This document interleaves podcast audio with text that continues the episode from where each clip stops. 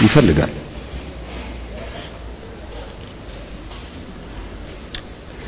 ይሄ እግዚአብሔርን መፍራት መፈለጉ ግን life ኡ ላይ apply አያደርግም። ብዙ ህዝብ ይቀናል ለእግዚአብሔር ነገር ግን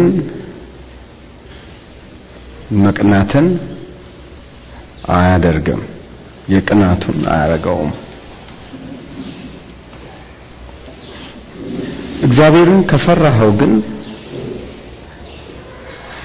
ለእግዚአብሔር ቀና ማለት እንደሆነ አልገባውም ዛሬ ስለ ቅናት እናወራለን። እግዚአብሔርን በመፍራት ውስጥ ያለ ቅናት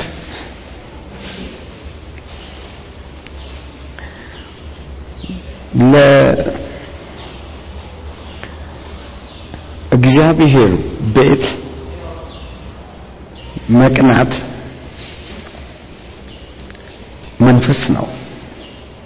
ማለት ቅናት መንፈስ ነው። ኢየሱስም በቀና ማለት ለእግዚአብሔር ቤት ቀንቶ ይላል። በመንፈሱ ምን አረገ ተበሳጨ። አሁን ከመንፈስ ጋር አብሮ የሚሄድ ነው። መንፈስ ነው ለማለት የሚያስችሉ አታያቸውም። ቀናትም ማንም ሰው አላየው ያናዳሃል ያበሳጫሃል ወይ ያስደስታል ወይ እንደዚህ ያስደርጋል።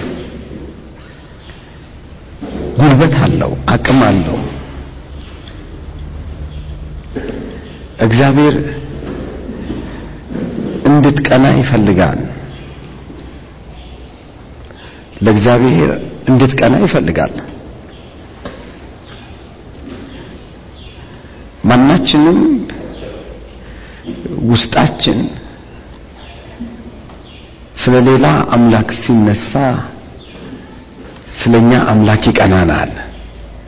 የሆነ ነገር ዛሬ የዳነ ሰው እንኳን ቢሆን ውስጡ የሆነ ነገር አለ። no no no no የኔ አምላክ ብሎ ይላል። ያ ምንድነው? ቅናት የተባለ ጉልበት አለ። እግዚአብሔርን ለእግዚአብሔር እቀናለሁ የሚል ሰው ቅናቱን የመግለጫው መንገድ ግን ስላልገባን አንዳንዴ በቦክስ እንገልጠዋለን አንዳንዴ በጭቅጭቅ እንገልጠዋለን። አንዳንዴ በላይፌ መንገድ ላይ በጣም እየሄድኩ ስለምሰብክ ስለነበር በህይወቴ ገጥሞኝ የማያውቅ ገጠመኝ። በህይወቴ እኔ እግዚአብሔርን የዛ ጊዜ እንደዚህ የሚደፍር ሰው እኔ በህይወቴ አይቻላል አላምንም ምናምን ምናምን ማለት መብቱ ነው ኢየሱስን ግን እንደዛ የተናገረ ሰው በላይፍ እስከ ዛሬዋ ቀን አልገጠመኝም።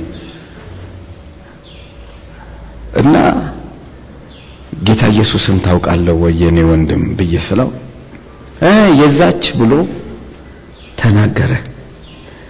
ማለት ድንግል ማርያምን ሲናገር የተናገረበት መንገድ እሱ እኮ ይሄ ነው ብሎ ሲል ጭንቅላቴ ለሁለት የተፈነከተን የመሰለኝና ቁጭ ብዬ ደነዘዝኩ ለተወሰነ ደቂቃ። ሰውየው መሄዱ ነው እንጂ ድንጋይ ያዝኩ። ከልቤ ነው የምልህ ባገኘ ፈረክሰው ነበር። አልገባም ፈረንሳይኛው። አያገባኝም እንደፈለክ ማሰብ ትችላለህ ግን የቅናቴ እንትኑ በምን ነው መግለጥ ነው በድንጋይ እግዚአብሔር ምስክር ፈረክሰው ነበረ። ሰውየው ከፊት መጥፋቱ በጀው። ይህ ነው። ነገር ግን እግዚአብሔር ቅናት የሚለው ይህንን ነው ወይ? ይህንን ነው ቅናት የሚለው እግዚአብሔር? አይደለም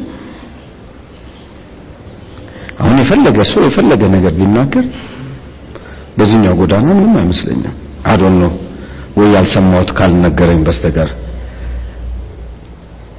ግን የቅናቱ መግለጫ ግን እንደገባኝ አሁን መጽሐፍ ቅዱስ እንዳስረዳኝ ግን የቅናት መገለጫው እግዚአብሔርን ለእግዚአብሔር እቀናለሁ የምትል ከሆነ በመፍራት ብቻ ነው የምትገልጠው። ከፈራኸው ልታደርግለት ምንም እንትን አይልህም። ያለህ እንድትሰጠው ብቻ ሳይሆን ራስህን እንኳን ልትገልለት ምንም ችግር የለም። ሰው ለቤተሰቡ ከፍቅር የሚነሳ ፍርሃት እሱ ከሚሞት እኔ ልሞትለት ብሎ ይሞት የለ እንኳን ያለህን አይደለም ወይ የሆነው ቅናት የሚገለጠው በፍርሃት እንደሆነ ገብቶኛል። እንደ ድሮ በኃይል በምናምን ለመግለጥ ወይንም ሰፈራችን መዝሙር ሲዘመር ጀመራቸው ምናምን ሲባል እኛ ቤት ባለ አምስት speaker ተሪቦ የሚባል እንትን ነበረ። ቴፕ ነበር። ባለው ሰፈር አይደለም። ጎረቤት ይበጠብጠዋል። በዛ ላይ የሆነ ስፒከር አምጥቼ ደግሞ ጎኑ ጋር አድርጌያለሁ ሙዚቃ ቤት በለው። ጮክ እናደርገዋለን። ጠላቴ ተውያለሁ ነው። ይገባል በሌላ አማርኛ። ውዱ ማለት ቅናታችንን መግለጥ የምንፈልገው በዛ ነው። ወይንም ቅናታችንን መግለጥ የምንፈልገው ሰዎች እግዚአብሔር ምናም ሰው ታገኛታለህ በቅርቡ እግርህን ጥምልል አድርጎ አስተኝቶ ታገኘዋለህ። ምክንያቱም ከቅናት የተነሳ የምታወጣው የመርገም ቃል ነው። ለካ ቅናት መርገም አይደለም።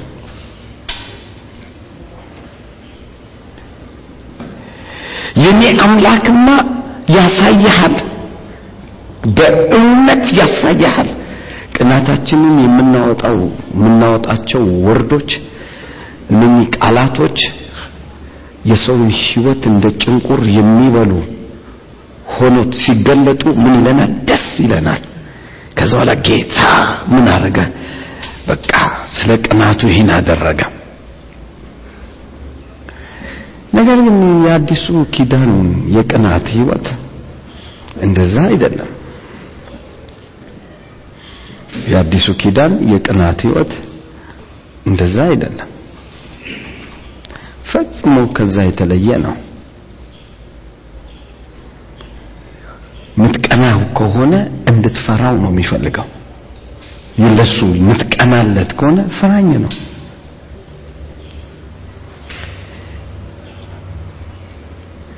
ምክንያቱም በፍቅር ላይ ፍርሃት አለ። ብትወድም ብትጠላም በፍቅር ውስጥ ፍርሃት አለ ባይዘዌ የማይፈራ አፍቃሪ የለም። ድጋሚ ላለሁ የማይፈራ አፍቃሪ የለም። በፍቅር ውስጥ ፍርሃት አለ። ይፈራል። ስለዚህ በፍቅር ውስጥ ፍርሃት አለ።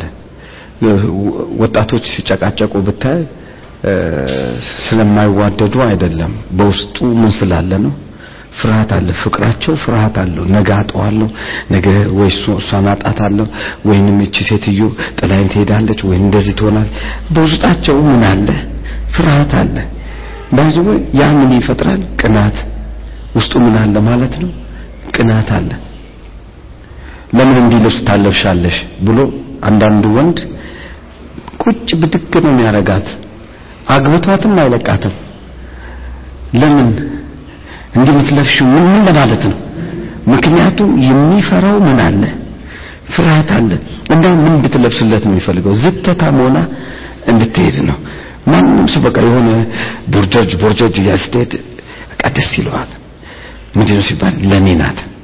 ምክንያቱም እኔን የምፈልጋት እንጂ ሌላውን እንዲፈልጋት ምን አለን? አልፈልግም። ምን ስላለው ነው ውስጡ? ፍቅር ውስጥ ምን አለ? ፍርሃት ስላለ ነው do you see ፍቅር ውስጥ ፍርሃት አለ።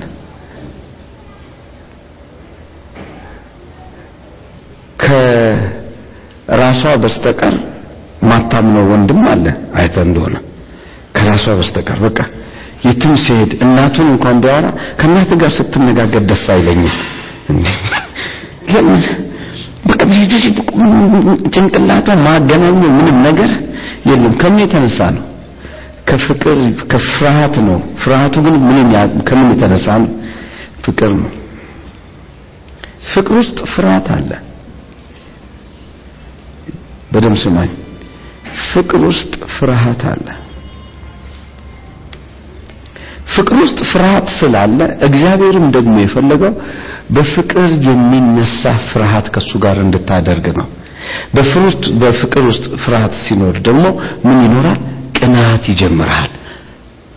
አንተ የምትወደውን ሰው ሁሉ እንዲወድልህ ትፈልጋል አንተ የምትፈቅደውን ሰው ሁሉ እንዲፈቅድልህ ትፈልጋል አንተ የምትሰጠውን ስፍራ ሰው ሁሉ እንዲሰጥልህ ትፈልጋል በቃ ሰው ሁሉ ያንን ነገር እንዲያደርግልህ ነው የምትፈልገው። ሰው ሁሉ በቃ ሆ ሆ ብሎ እንዲያጅብል ምክንያቱም አንተ ሰው ቅናት አለህ ለዛ ሰው ፍቅርህ ነው ያንን ያመጣው። እግዚአብሔርም የሚፈልገው ነገር ቢኖር በፍቅር ውስጥ ምን አለ? ቅናት አለ። ቅናቱ እንዴት ነው? ላንተ የምትወደው ከሆነ ይህን ነገር አደርጋለሁ ብለህ ትጀምራለህ። ይህን ነገር አደርጋለሁ። ስለዚህ ይህን ነገር ለማድረግ ግን መጽሐፍ ቅዱስ ያለው ምንም አድርግልኝ አላለህም ባይዘዌ ያለህ ነገር ምንድነው? ፍራኝ ነው። ይሄ ደግሞ አፈቅረዋለሁ ካልክ ምን ትለዋለህ? ትፈራዋለህ። በጥቅም ከሆነ የተገናኘኸው ግን ልትፈራው ምን አትልም? አትችልም። ባዘወይ ጥቅም ያገናኛቸው ሰዎች በአፋቸው ነው የሚሸነጋገሉት። ውይ ሀንዬ ሀኑካ ሀናለም ሀንነት ምናምን ጉይት ነው የምትሄጂው? ልክ ስትሄድ ሰላሙኝ ያገናኛቸው ምንድን ነው ጥቅም ነው። ኦር አንድ የሚፈልጉት የሚያስደስታቸው በሁለቱ መካከል ላይ ያለ ነገር አለ። ያችን ነገር ለመፈጸም ነው እንጂ ከዛ ውጪ እነሱ የሉም። የሉም። ለምን የሉም? ምክንያቱም በውስጣቸው ፍቅር የለም። ከፍቅር የሚነሳ አይደለም።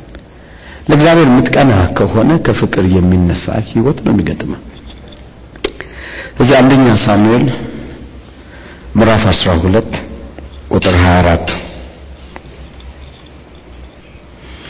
አንደኛ ሳሙኤል ምዕራፍ 12 ቁጥር 24 የሚገርም ነገር ነው የሚናገረው። ከቁጥር 23 እንመልከተው ደግሞ መልካሙንና ቀናውን ቅኑን መንገድ አስተምራችኋለሁ እንጂ ስለ እናንተ መጸለይን በመተው እግዚአብሔርን እበድል ዘንድ ይህ ከእኔ ምን ይበል? ይራቅ። ቀጥሎ ያለው ብቻ እግዚአብሔርን ምን በሉት? ፍሩት ይህ የነገራቸው ነገር ምንድን ነው እግዚአብሔር ከኛ ጋር እንዲሆን የምትፈልጉ ከሆነ እግዚአብሔር ታላቅ ነገርን በፊታቸው አድርጎ እንደሆነ ወይንም መሞቱን መነሳቱን በአንተ ውስጥ ገልጦላችሁ ከሆነ የሚያስፈልገው ነገር እግዚአብሔር ይህንን ነገር ብሰራላችሁ ባደርግላችሁ ወይም ታላላቅ መልካም ነገሮችን ወደ እናንተ ህይወት ባመጣላችሁ ከእናንተ ግን የምፈልገው ምንድን ነው መፈራትን ነው። ስለዚህ ያለውን ተመልከቱ። እንዲህ ብቻ እግዚአብሔርን ፍሩ ያደረገላችሁንም ታላቅ ነገር አይታችኋልና በፍጹም ልባችሁ በእውነት ምን በሉት? አምልኩት። በምን አምልኩት? በእውነት ምን በሉት? አምልኩት። ለምንድን ነው እግዚአብሔር ይህን የፈለገው? የፈለገበት ምክንያት አንድ ነው። እግዚአብሔር መልካም አባት ነው ካላችሁ ከናንተ የሚፈልገው number one የህይወታችሁ key የሆነውን መፈራትን ነው። አባት ከሆንኩስ መፈራቴ የታል? በደም ተመልከቱ። እግዚአብሔር ነው የጠየቀው። አባት ከሆንኩስ መፈራቴ የታል? አምላክ ከሆንኩስ መከበሬ የታል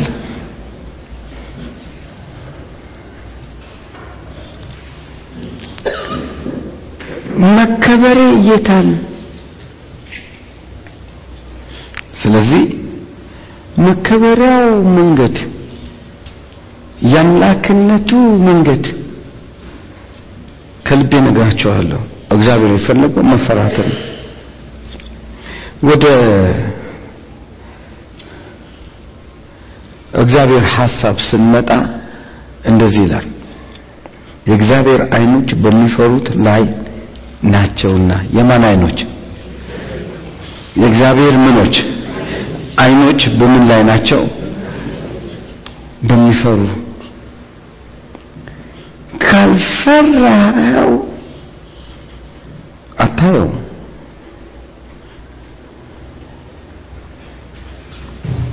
ካልፈራኸው አታየው።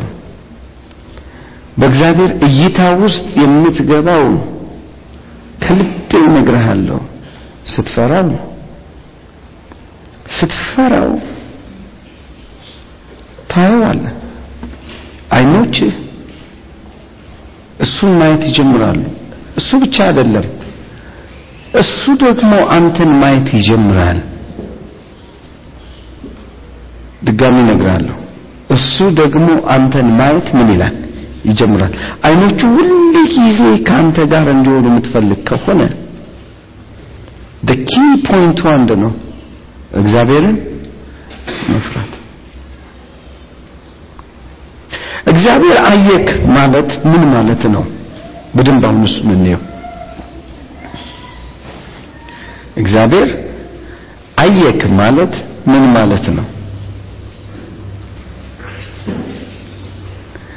በደንብ ተረዱ። በምትሰራው ስራ ላይ ሁሉ ብዜትን ጨመረ ማለት ነው። ከመጽሐፍ ቅዱስ የመጀመሪያው ሲናገር እግዚአብሔርም ሰማይና ምድርን ፈጠረ። ሁለተኛው ስመጣ የምድር እንስሳቶችን ከምድር አወጣቸው። ሰራተኛ የነበረው ኢየሱስ አወጣቸው። okay አወጣ። ሁለተኛው የሚቀጥለው ነገር ኢየሱስም የእጁ ስራ ናቸውና ፍጥረት እሱ ሰራቸው። ወደ ሶስተኛው ስትመጡ ግን አየ አየ አየ ደግሞ ምን አለ? ባረካቸው። አየ ደግሞ ባረካቸው።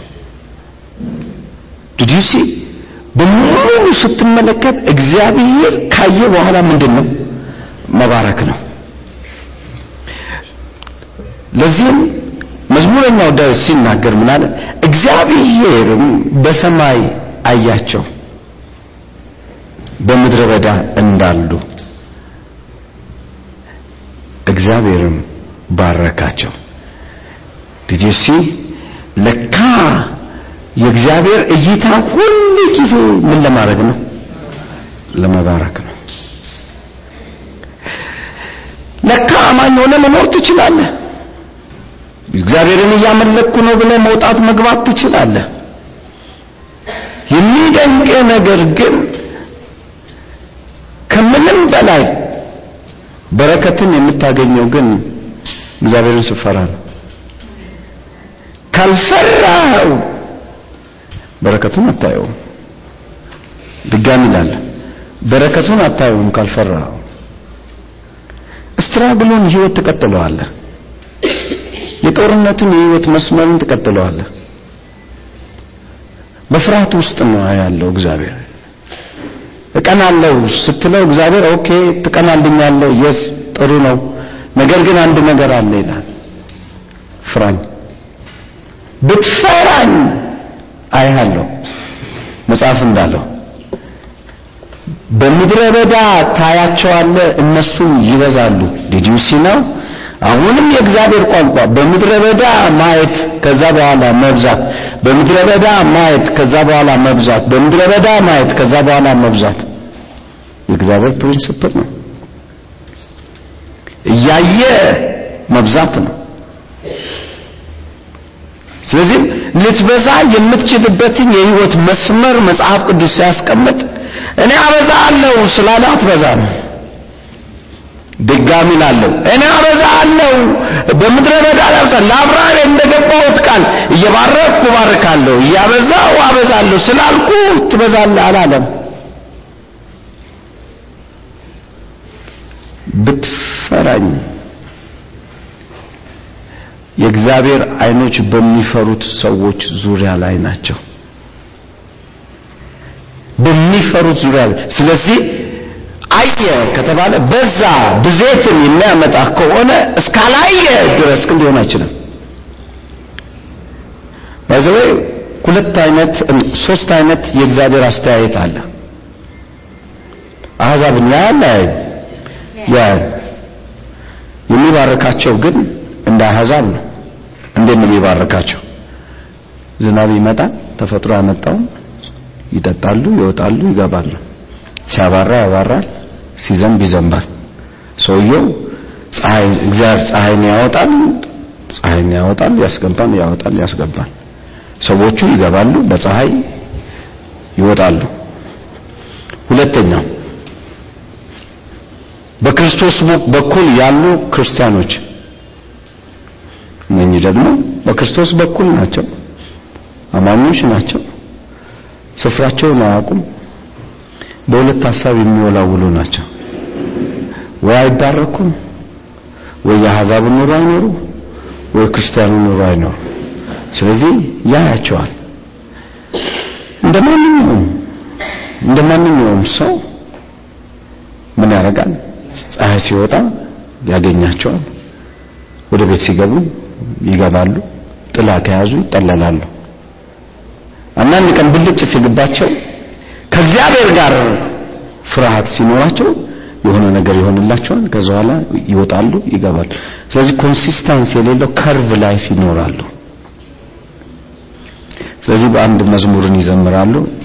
አንድ ጊዜ ጌታ ተራራ ላይ አንድ ጊዜ ኢየሱስ ሸለቆ ውስጥ በሸለቆ አለው አነባለው final የት ነው የሚኖረው ሰውየው? ሸለቆ ውስጥ ነው። ስለዚህ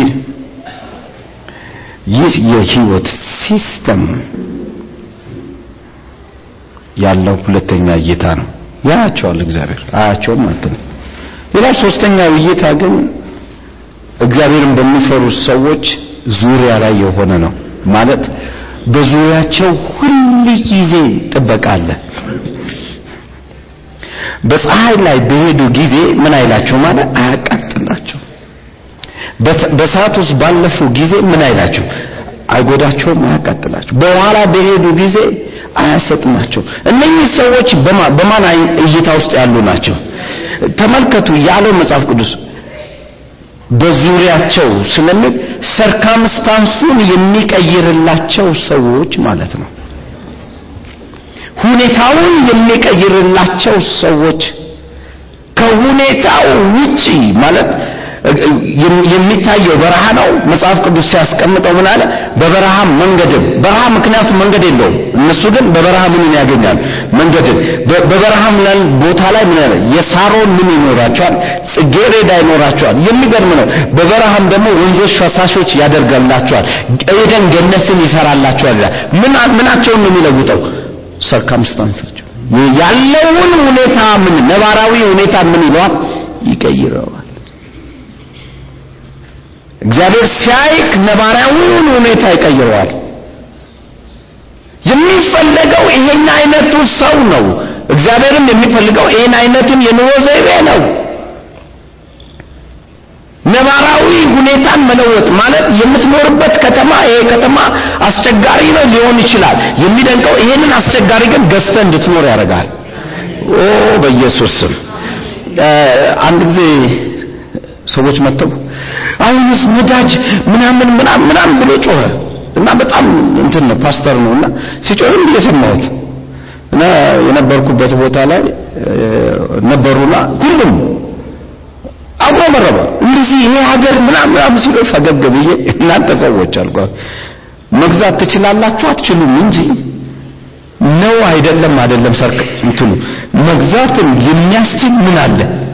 ብቃት አለ ወይ ይሄ ማለት ምንድነው የነዳጁ ዋጋ 20 ብር ቢሆን 20 ብር መግዛት ብቃት አለ ወይ ነው እንጂ ሌላ አይደለም። ብቃት ካለ እኮ መግዛት ስለምንችል እኮ ነው ሀያ ብር ብለው እየሰጡን። አልገባም ፈረንሳይ ብቃት ያላቸው ምን ይበሉ ይግዙ ብሎ ነው በቃ የወሰኑ። ስለዚህ አሁን ብቃት አለ ወይ? እግዚአብሔር ሰርከምስታንስ መቀየር ማለት ይሄ ነው። እግዚአብሔር አየኝ ካልክ ሰርከምስታንስ ተቀየረ ማለት ነባራዊ ሁኔታ መግዛት የሚያስችል አቅም ኖረ ነው። በረሃ ሄድክ ቢባል በረሃ ስለሄድክ አይደለም። በረሃውን መግዛት ትችላለህ ወይ ነው። ወደዚህ ወደ መንፈሳዊ እይታ እንድትመጡ የእግዚአብሔር በጎ ሐሳብ ነው ብዬ አምናለሁ። የእግዚአብሔር በጎ ሐሳብ ነው። ለምን መሰላችሁ? እግዚአብሔር ሁኔታን የመቀየር ኃይል አለው ሲባል ሁላችን የምንለው የስ ኃይል አለው ነው። ነገር ግን እግዚአብሔር ከሁኔታን የመቀየር ኃይል ቢኖረው ቢኖረው ስላልፈራኸው እይታ ውስጥ አትገባም። ያለው ነባራዊ ሁኔታ ተቀይሮ አታገኘውም። ለምን? ስላልፈራኸው። ትጸልያለህ፣ የኔ ጌታ ለውጥ ይሁን፣ መለወጥ ይሁን፣ መገልበጥ ይሁን፣ በዚህ ይግባ፣ በዛ ይውጣ፣ አምናለሁ፣ አምናለሁ፣ possession ነው፣ confession ነው፣ ምናምንሽን ነው። ምንም ግን የለም። ስንት ዓመት ሲሆን አምስት ዓመት ሆነ እኮ confess እያደረኩ ከዛስ process እያደረኩት ነው። በቃ በመንፈስ ዓለም ነው። ግን ምንም የሆነ ነገር issue ው አንድ ነው። issue ው አንድና አንድ ነው። በእግዚአብሔር እይታ ውስጥ አለመታየት ነው። በልጁ በኩል እታያለሁ። አምናለሁ። መዙዙዙ በልጁ በኩል እታያለሁ። ከዚህ በኋላ እኔ የለውም። በልጁ በኩል እግዚአብሔር በልጁ በኩልም ባይክ በፍቅር የሚሰራ ፍርሃት አለ። ያንን ፍርሃት ትጠቀማለህ ወይ? circumstance ኡን ያለው ነባራዊ ሁኔታዎችን መቀየር የሚችለው መታየትህ ብቻ ነው። ምክንያቱም እንዲህ እንዲህ ብለን እናስረዳችሁ ካልታየክ የሚሆነው ነገር እግዚአብሔር አብ ቃል አወጣ። ድመት ተፈጠሪ ብሎ እግዚአብሔር ወልድ ድመትን ሰራ። ህይወትን የሚሰጠው መንፈስ እስካልመጣ ድረስ ግዑዝ የሆነች ምን ታገኛለህ? ድመት። ህይወትን የሚሰጠው ማን ነው? መንፈስ ቅዱስ። by the way አብ ይናገራል ወልድ ይሰራል መንፈስ ቅዱስ ህይወትን ምን ይላል ይሰጣል። that's why ጳውሎስ እንትን ሲናገር መጎብኘትህን መንፈሴ ምን አደረገች? ጠበቀች። ስለዚህ ጉብኝት እስኪመጣ በአፈር በተሰራው ጊዜ ነበርኩ በአፈር ተሰርቶ ቁጭ ብሎ በነበረ ጊዜ አዳም ጭቃ ሆኖ ቁጭ ብሏል። ግዞ ነው። አይራመድም አይሄድም። መንፈስ ፓኑማ ይሏል ብሪዝ ሲያደርግበት ምን ሆነ ገባበት። በገባበት ጊዜ ምን ሆነ? መንቀሳቀስ ጀመረ። ነው ክርስቲያን ሆነ ግዑዝ መሆን ትችላለህ። ከገባ ፈረንሳይኛ። አማኝ ነው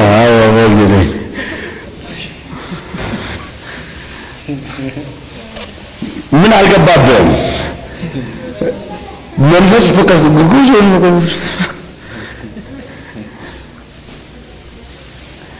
ሳትፈራው ግዑዝ ሆነ መኖር ትችላለህ ብራዘር ሳትፈራው መጽሐፉ ያለውን ተመልከት ከመካከላቸው ውጡና ህያዋን ሁኑ ህያዋን ሁኑ ግዑዝ ይሆናሉ ግዑዝ ሆነው የሚንቀሳቀሱ አሉ ነገር ግን ከመካከላቸው ውጡ ባዘበ ብዙ መጽሐፍ ቅዱስ የተጻፈው ለአህዛብ አይደለም ለአማኙ ነው። ለአማኙ መጽሐፍ ቅዱስ ተጽፎለታል። ምን የሚል መጽሐፍ ቅዱሱ የተጻፈው? መጽሐፍ ቅዱስ ሲያስቀምጠው በሁለት መካከል ልዩነት እንዳለ አድርጎ ነው። ለሁለት እዛው እዛው አማኞቹ እያሉ በአማኞቹ መካከል ግን ለሁለት ተከፍለዋል። ለሁለት ተከፍሎ በመፍራትና ባለመፍራት የሆኑ አማኞች ግን ያመልካሉ።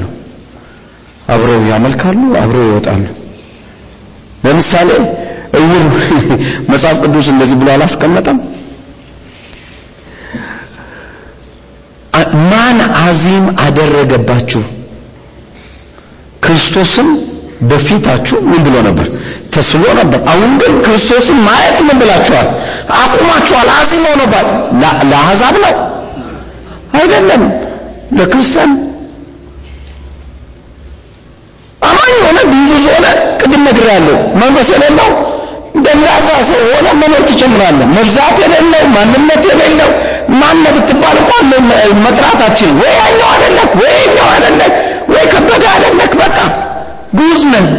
እና እንደዚህ ባል ስገባ ሃሌሉያ አሜን፣ ክብር ለኢየሱስ አሜን፣ ኢየሱስ ጌታ ነው፣ እሰይ አሜን፣ ጌታ ነው። እዚህ ጋር ስመጣ ደግሞ ጌታ ይሰራል ብለህ ነው። እውነት ነው፣ ብዙ ሞክሬያለሁ፣ ግን ምን አይነት ዓለም ነው? ደግሞ ለአንዳንዶች ጌታ ይሰራል፣ ለአንዳንዶች አይሰራም። እንዴት እንደሆነ አላውቅም። ሙቱ እዚህ ጋር ሲመጣ ሕያው ነው፣ እዚህ ጋር ሲመጣ ሙት። ከዛ በኋላ ጳውሎስ ምን አለ? አዚም ያደረገው ማን ነው? መንፈስ በውስጣችሁ በመልካም እንዳይሰራ ያደረገው ማን ነው? ህይወታችሁ የትግል ህይወት እንዲሆን ያደረገው ማን ነው?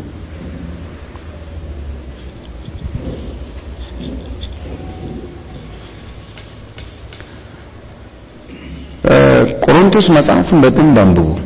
መቼም ቆሮንቶስን መጽሐፍ ይሁን ሮሜን መጽሐፍ ይሁን የተጻፈው ለክርስቲያኖች ነው። ይድረስ ለክርስቲያን ተብሎ ስለዚህ ለክርስቲያን የተጻፈ መጽሐፍ ከሆነ በዛ በክርስቲያን መጽሐፍ ላይ ያለ ህይወት ነው።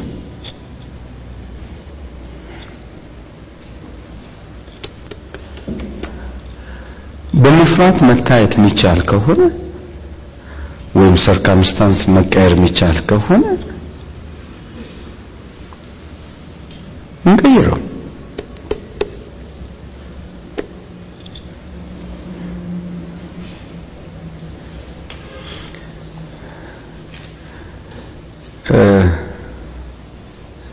አንድ እውነትን እንመልከት።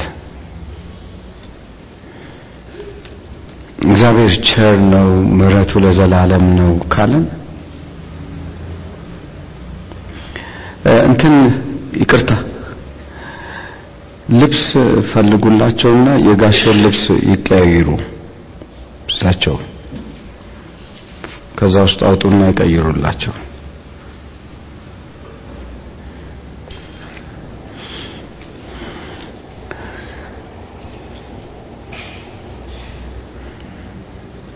okay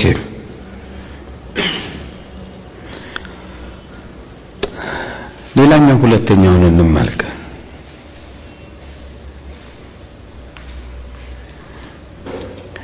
እግዚአብሔርን በሚፈሩ ላይ ምሕረቱን ጽድቁንም ለልጅ ልጆቹ ላይ ነው ይላል። ምሕረቱም ጽድቁም ለልጅ ልጆቹ ላይ ነው። ምን ማለት ነው? ለካ እግዚአብሔር ለእግዚአብሔር ስትቀና ስትፈራው ለልጅ ልጅ የሚሆን ነገር እግዚአብሔር ያዘጋጅላል። መጽሐፉን እንመልከት። መዝሙር 33 መዝሙር 33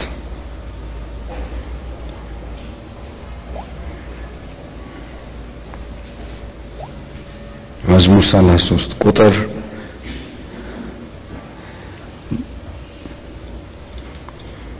መዝሙር 103 ይቅርታ። መዝሙር 103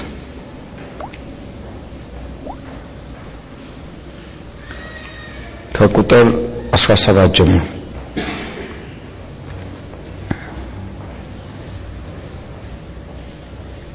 እንዲህ ይላል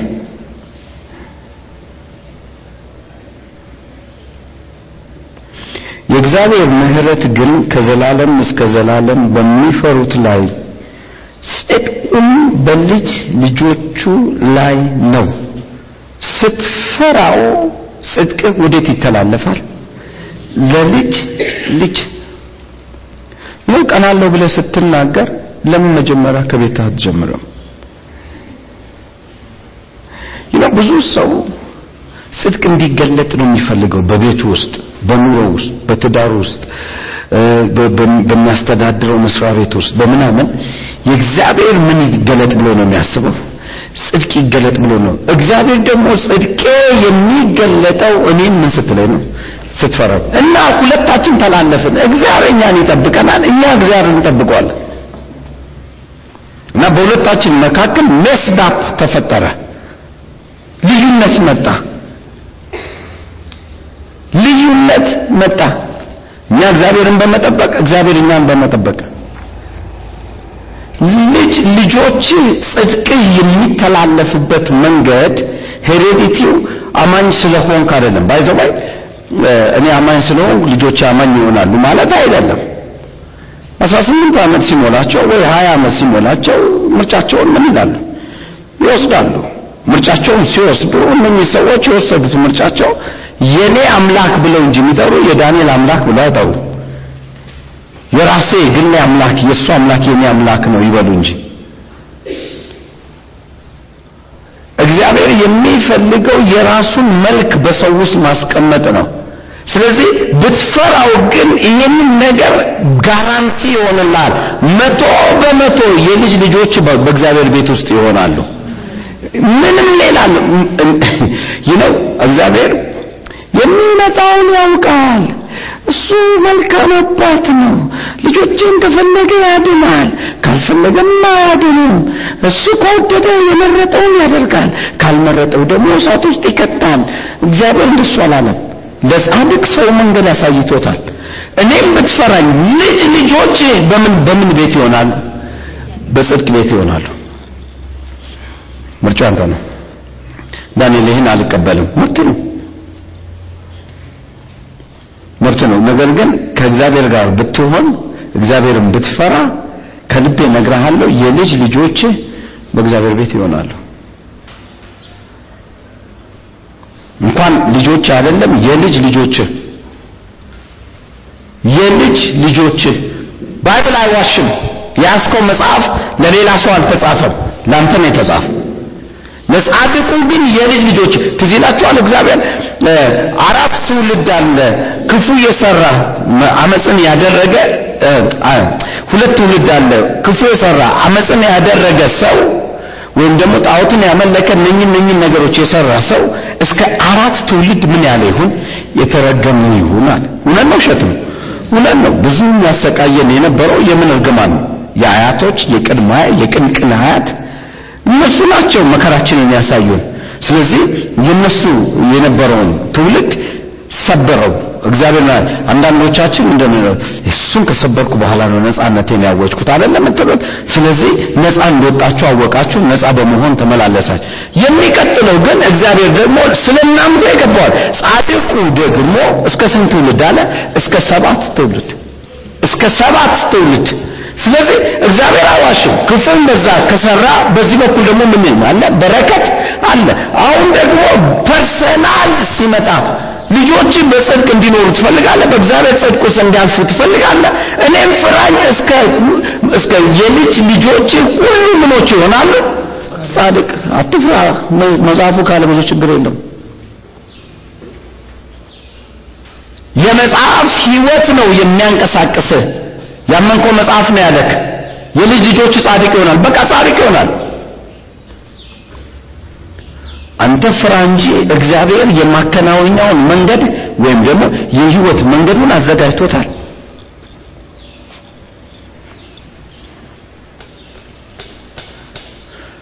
የህይወት መንገዱን አዘጋጅቶታል። የልጅ ልጆች በሰላም እንዲኖሩ የልጅ ልጆች በጽድቅ እንዲኖሩ የልጅ ልጆች በእግዚአብሔር እይታ ውስጥ እንዲገቡ በእግዚአብሔር እይታ ውስጥ እንዲገቡ የልጅ ልጆች የሚቀጥለውን ምዕራፍ በተሻለ መልክ እንዲያልፉ ሆ! አንተ ብትፈራው መልካም ነው ብራዘር አንተ ብትፈራው የተሻለ ነገር ይፈጠራል።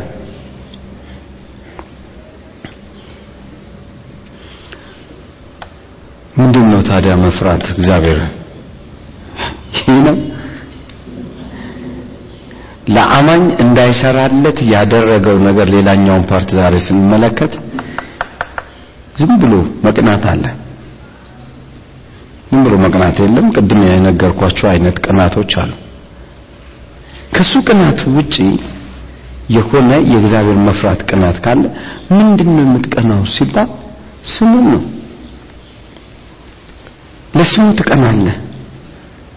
ስሙ ትቀናል ለስሙ ቀናህ ማለት ስሙን ፈራህ ማለት ነው በሌላ አማርኛ። ስለወደድከው ነው ቅድም ነግሬያቸዋል። በመውደድ ውስጥ ፍርሃት አለ። ሰዎች የሚያጨቃጭቃቸው ነገር ቢኖር አጠዋለሁ አስገባዋለሁ እንደዚህ ላሉ ቅድም ነግሬያለሁ። ስለዚህ አሁን በስሙ ውስጥ ማለት ስሙን የምትወደው ከሆነ ስሙን የምትቀናለት ከሆነ ስሙን ነው የምትፈራው። እዚህ ቤት ውስጥ ማን እግዚአብሔርን ያየዋለ እኔ አይቼው አላውቅም ድንገት እናንተ ልታወት ትችላላችሁ። እኔ በበኩሌ አይቼው አላውቅም ልጨምርል ሌላ የእግዚአብሔር ብርሃን አለ የሰይጣን ጨለማ አለ። ሁሌ ነው የምሰብከው። ሁለቱንም አይቻቸውም አላውቅም ነገር ግን እኔ የዓለም ብርሃን ነኝ ብዬ ግን እፎክርላለሁ በቃ ከዛስ የብርሃን ህይወት እያየው ነው? ዋው ይኸው ምክንያቱም ብርሃንም የሰው ህይወት ነበር ስላለ የብርሃን ህይወት እያየው ነው በራሴ። ከጭንቀት ነፃ ነኝ ከፍርሃት ነፃ ነኝ ከምንም ነገር ነፃ ነኝ። ተዘልሎ ይቀመጣል የሚባለው ተዘልዬ ይቀመጣል። ምንም ነገር እንደማይነካ መቶ በመቶ ነኝ። በምንድን ብትለኝ በቃ ተዘልሎ ይቀመጣል ብርሃን ውስጥ ነው ያለው ጨለማ በፊት የለም በሚል የእምነት ህይወት ውስጥ አስገባ። በእምነት ስሬት ውስጥ ማለት እምነት የሰራቸው ስራዎች ገባሁበት። ስለዚህ መጽሐፍ ቅዱሱ ስሙን መፍራት ነው ይላል። እንዴ ስሙን መፍራት የሚባለው ነገር ለብዙዎቻችን እንቆቅልሽ ነው። ምንድነው ስም መፍራት? do you believe ስሙን ታከብረዋለህ? ስሙን ታከብረዋለህ? ይሄ ማለት ምን ማለት ነው በአጋንንት ላይ ስትጠራው ስሙ ጉልበታም ነው ብለህ ታምናለህ ወይስ ስሙን ልሞክረው ብለህ ነው የምትሞክረው? በነገሮች ላይ የምትጸልየው ጸሎት የምታደርጉትን ሁሉ በኢየሱስ ስም እንበሉት አድርጉት ተብሎ ተጽፏል። ይሄ አድርጉት የተባለው የኢየሱስ ስም አድርጉት የተባለው ታከብረዋለህ? በዛ ነገር ላይ ጉልበታም ነው ኃያል ነው። እኔ ደግሞ ልፈራው ይገባል። ስለሚሰራ ስለሚያደርግ ስለሚፈጽም አቅም ስላለው ስሙን እፈራዋለሁ። ስሙ ስሙ እንዲሰደብ አልፈልግም። ስሙ እንዲጠላ አልፈልግም። ስሙ በሌላ ሰው አንደበት ውስጥ ገብቶ እንዲዋረድ አልፈልግም። የማ ስም የኢየሱስ ስም። እግዚአብሔርን መፍራት ማለት ስሙ ጋር ነው ስሙ ጋር ነው። ነገሩ ያለው ከስሙ ጋር የሚሄድና የሚመጣ የሚሄድ ነው። ስታወራ ለራስህ ስትጸልይ ኧረ በኢየሱስ ምን ዋጋ አለው? የሚሆን አይመስለኝም። ኧረ በኢየሱስ ግን ምን ዋጋ አለው? የሚሆን ምን አይልም? አይመስለኝም። እና what do you expect? ስሙ ጉልበታም ነው ብለህ ስሙ ይሰራል ብለህ ታጣት never never! ለማጀቢያ ነው ስሙን የተጠቀምከው። እምነት የሌላቸው ሰዎች ተሰብስበው ሲጸልዩ አታውቅም? አባት ሆይ አንተ ሁሉን እንደምታደርግ እናምናለን እንደምትሰራ አቅም እንዳለ እናምናለን። ነገር ግን ብትፈቅድ ይሄ ነገር ይሁን ካልፈቀድክም ይቅር። ምን መጸለይ ያስፈለገ እንዲህ አልክ አባት ሆይ ዝናቡን ከምታቆም እንደምትችል እናውቃለን። ዝናቡን ባታቆሙም ግን አንተ መልካም ነው ለምን ትጸልያለህ ታዲያ?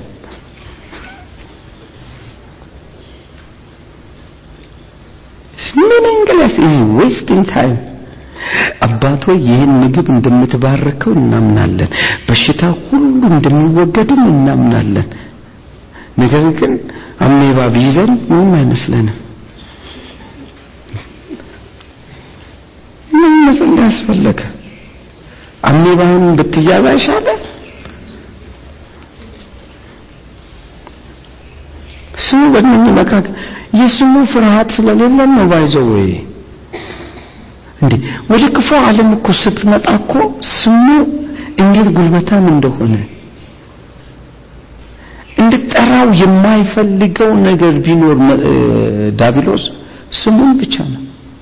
ስሙን እንድጠራው አይፈልግም ይህ ነው ብዙ የመናፍስት ዓለም ውስጥ የገቡ ሰዎች ቃለ መጠይቅ ሲደረጉ እሱ እያሉ እንጂ የሚጠሩት ኢየሱስ ብለው ምን አይሉም? አይጠሩ ስብሰባ ላይ ወጡ ይባላል። ማለት ብዙ መጽሐፍቶችን ማንብብ ያለው እንደዛ አይነት ነገርና እሱ እያሉ ከዛ አንዱ ተሳስቶ ማን ነው እሱ የምትለው? ከኔ በላይ አለ ወይ ሲል ኢየሱስ የሚሉት ነዋ ሲል ያ ስም በዛ እንትን ሲጠራ በሙሉ ሙሉ ወደቁ። ወድቀው ይሄን ስም ሁለተኛ እንዳጠሩ በዚህ ቦታ ላይ። ጭጭሽ ዝም ብሎ ስሙ እንኳን በሲኦልም ከሲኦልም በታች እንኳን ቢጠራ ምን አለ? ይጥላል ኃይል አለው። በእኛስ አንደበት? አረ በኢየሱስ ስም ሻይ አይጣፍጥም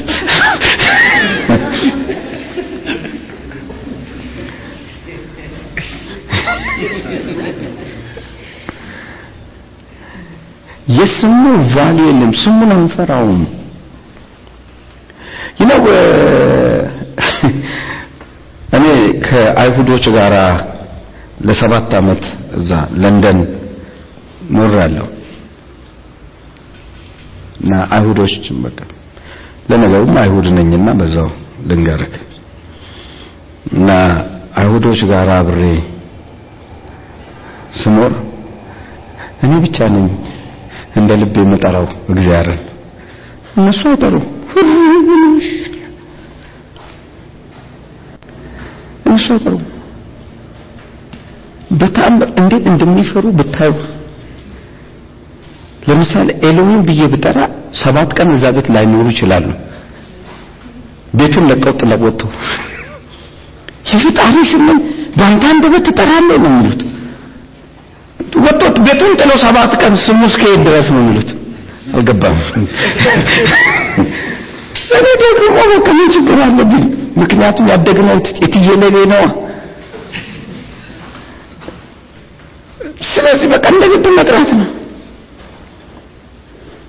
እነሱ የሚያውቁት በምህረት ስሙ ነው ጀሆቫ ብሎ በምህረት ከምህረት ስሙ ውጪ ሌላ ስም እንደኛ አምላክ ነው። ምን ወንድሜ አይጠሩም? ኔቨር አይጠሩም። ቫልዩ አላቸው። ይህ ነው መጽሐፍ ሲጽፉ መጽሐፍ ሲጽፉ መጽሐፉን ቀለም ሲነኩት ኤሎን ለመጽሐፍ ከፈለጉ ኢ ጽፈው ሰባት ቀን ሙሉ እንትኑን ይነክፉታል። ቀለሙ ኃጢአት ሰርቷል። ማን ቀለሙ ስክሪፕቶ ራሱ ይነከራል። ይነከራል። ይነከራል። ከዛ በኋላ ከዛ ኤልድን ይጽፋሉ። ምክንያቱም የአምላክ ስምን መጽሐፍ ምን አይልም? አይችልም ብለው ነው የሚያምኑት። ቫልዩ አላቸው። ስሙን እንትን እግዚአብሔርም መፈራቴ በስሙ ነው አለ ላሳየ መጽሐፍ ቅዱስ። መዝሙር 86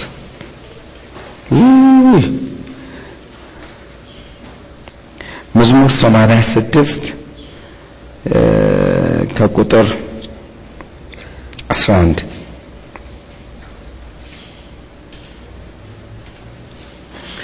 አቤቱ መንገድህን ምራኝ በእውነትህም እሄዳለሁ።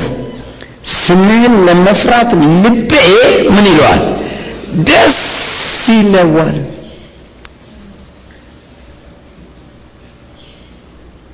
ስምህን ለመፍራት ማለት ነው ስሙን ለመፍራት እንትን የምታደርገው? በእሪያዎች መካከል ላይ እንቋችሁን አጣሉ አለ።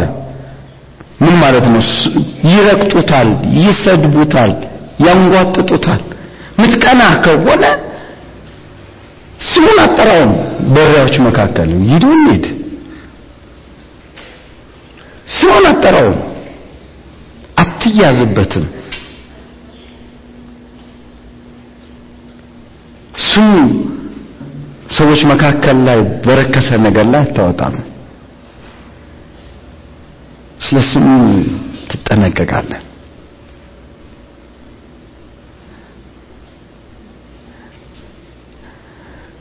በዚህኛው ላሳያችሁ። ስሙ እንዲሰራላችሁ የምትፈልጉ ከሆነ በአእምሯችሁ ምን ያህል ቫልዩ ሰጥታችሁታል አንዳንዱ ሰው ቫልዩ ልክ እስከሚያገኘው ነገር ድረስ ነው። አንዳንዱ ንብረት ይፈልጋል። በዛ ስም ንብረት ማግኘት በሚፈልገው ጭንቅላት ነው የሚቆመው።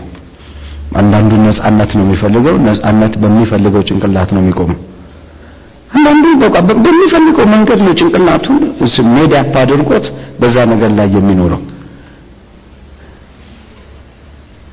ስለዚህ ፍርሃቱ ያለው በዛ ላይ ነው አንዳንዱ በሰውነቱ ላይ ነው። በሰውነቱ ላይ ስሙን ይጠራል። ስለዚህ በሰውነቱ ላይ ባለው ስም ይፈራዋል። all in ስሙን በምን ላይ ነው ያከበርከው ጭንቅላት ውስጥ?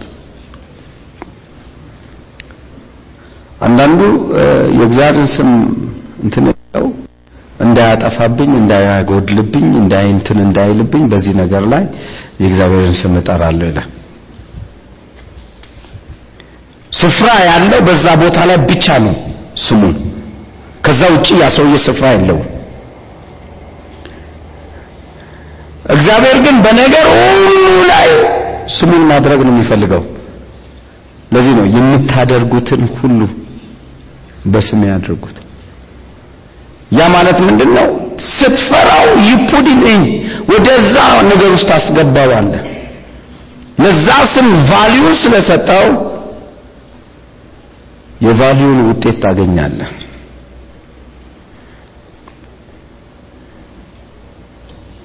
ይነው የዳዊት አጠያየቁ አቤቱ መንገድህን ምራኝ መንገድህን ምራኝ። በዛም ይሄዳለሁ ስምህንም በመፍራት እወዳለሁ። ውሳኔ አሁን መፍራት የሚባለው የህይወት መንገድን ጀምረው መፍራት የሚባለው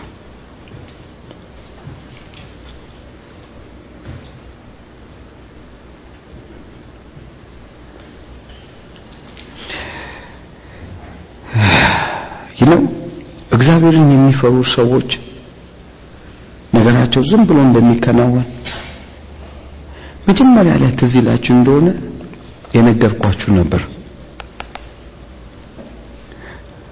ከማይፈራ ሰው ጋር አትጸልይ ብዬ ሳወራ ትዝ ምን ብለህ ትጸልያለህ? arrogant የሆነ ምንም ደንታ የሌለው church ግን በቃ የማይጠፋ ህብረተሰብ የለም? አለ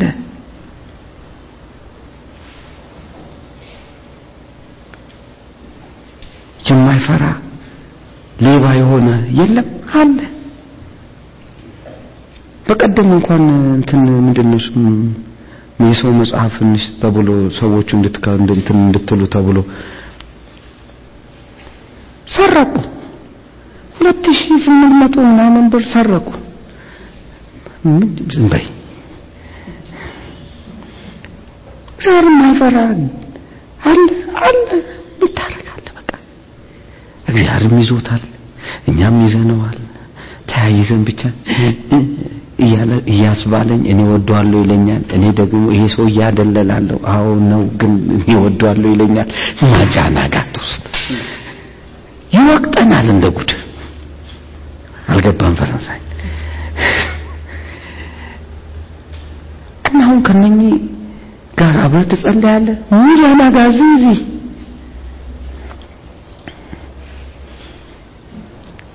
ሰማን መጽሐፍ ቅዱስ ምን አለ? እግዚአብሔርን የሚፈሩት ሰዎች ተነጋገሩ። እግዚአብሔርም አደመጠ መለሰላቸው። ዝም ብለህ ከማንም ጋር ማጸልይልኝ ምን ማጃናካ አረ ለማን ብለህ በጌታ? አንተው ራስ ብትወጣው ይሻላል። የሚያመጡብህ መከራ ነው። ጭራሽ የሚያመጡብህ። እግዚአብሔርን የማይፈሩ ልባቸው ጠንካራ ይሆናሉ። ጠንካራ ነው ልባቸው። መቼም እግዚአብሔርን ቤት ከመስረቅ የሚበልጥ ምንም ሌላ ነገር ይኖራል ብዬ እኔ ህልም አይኖረኝም። ግን ለምን እግዚአብሔር መፍራት ስለሌለ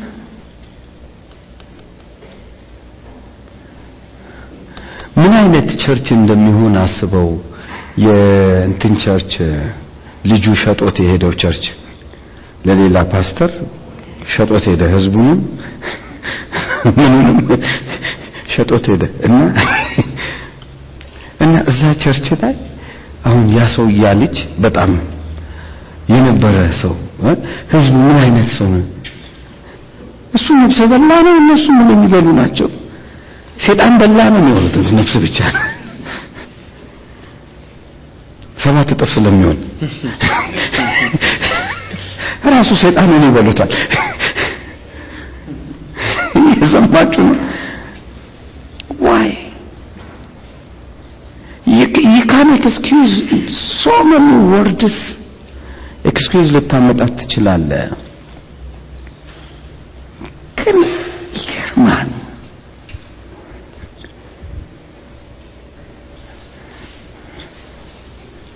እግዚአብሔርን የሚፈሩ ሰዎች ግን ጸለዩ እኮ አይደለም። ተነጋገሩ። ስላለባቸው ነገር ዝም ብለው አወሩ። እግዚአብሔር ምን አለ? አደመጠ ደግሞ ሰማቸው። ደስ ይለኛል። ሚልኪያስ ምዕራፍ 3 ቁጥር 16 ላይ ነው። እግዚአብሔርን የሚፈሩ በመነጋገራቸው ብቻ እግዚአብሔር ያደምጥና ይመልሳል ይላል ሚልኪያስ ምዕራፍ 3 ቁጥር 16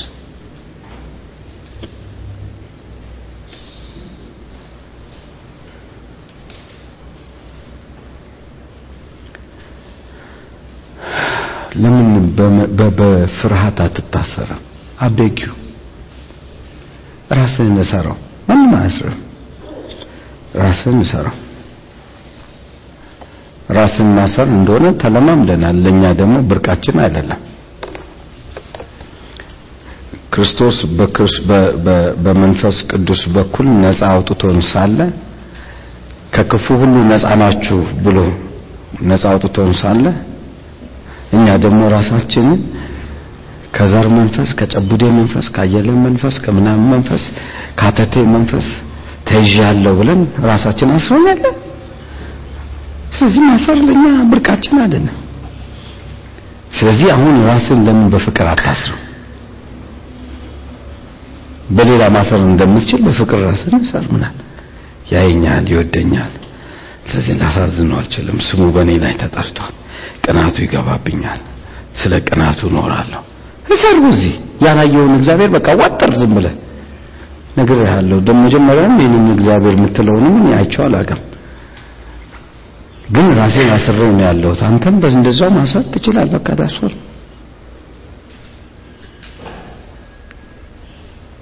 ምንም አስተውል እስቲ በጌታ። ራስን በዛ ነገር ውስጥ ለማስገባት ሞክር።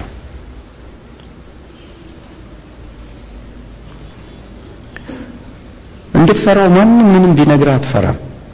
ማንም ምንም ቢነግርህ አትፈራም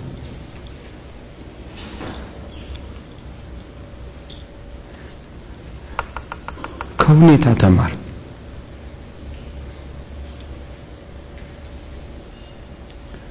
ለምንድን ነው አንዳንድ ነገሮች የሚጨነግፈው ብለህ እስቲ ቆም በል? እግዚአብሔርን የማይፈሩ ሰዎች የሆነ ነገራቸው ጭንግፍ ጭንግፍ ጭንግፍ ሲል ታያለህ። ለምንድን ነው ብለህ ቆም ብለህ ለምን አንተ ቆመው ስለሄዱ ነው? ቅድም ነገር ያለው ዙምቢ ሆኖ መሄድ ይቻላል ፍጥረቱ ሆኖ መንቀሳቀስ ይቻላል ሰርከምስታንሱ እየተቀየረለትም መኖር የሚችል ሰው ደግሞም አለ It's your choice now.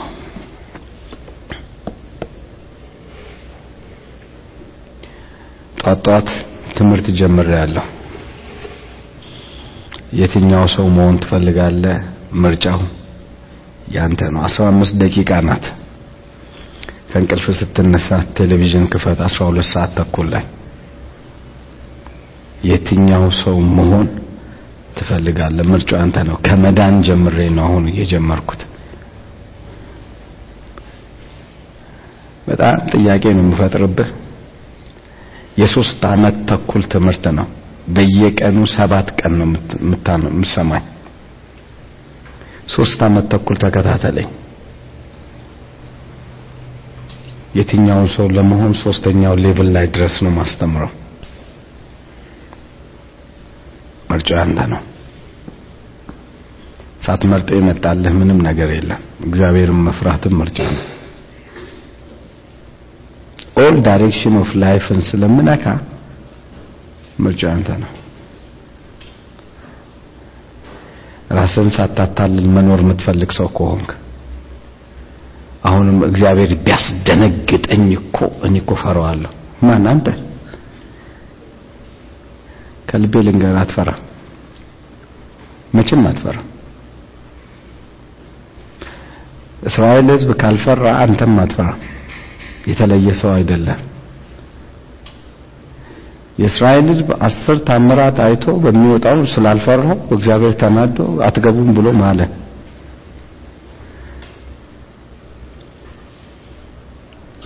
read Bible ታምራቶች እያዩ በንጋታው እነኚህ ሰዎች ሌላ ናቸው። እንዳትረሱ ይህን ድንጋይ አርጉ እያለ ድንጋዩን እያረጉም እንኳን እግዚአብሔርን አይፈሩትም።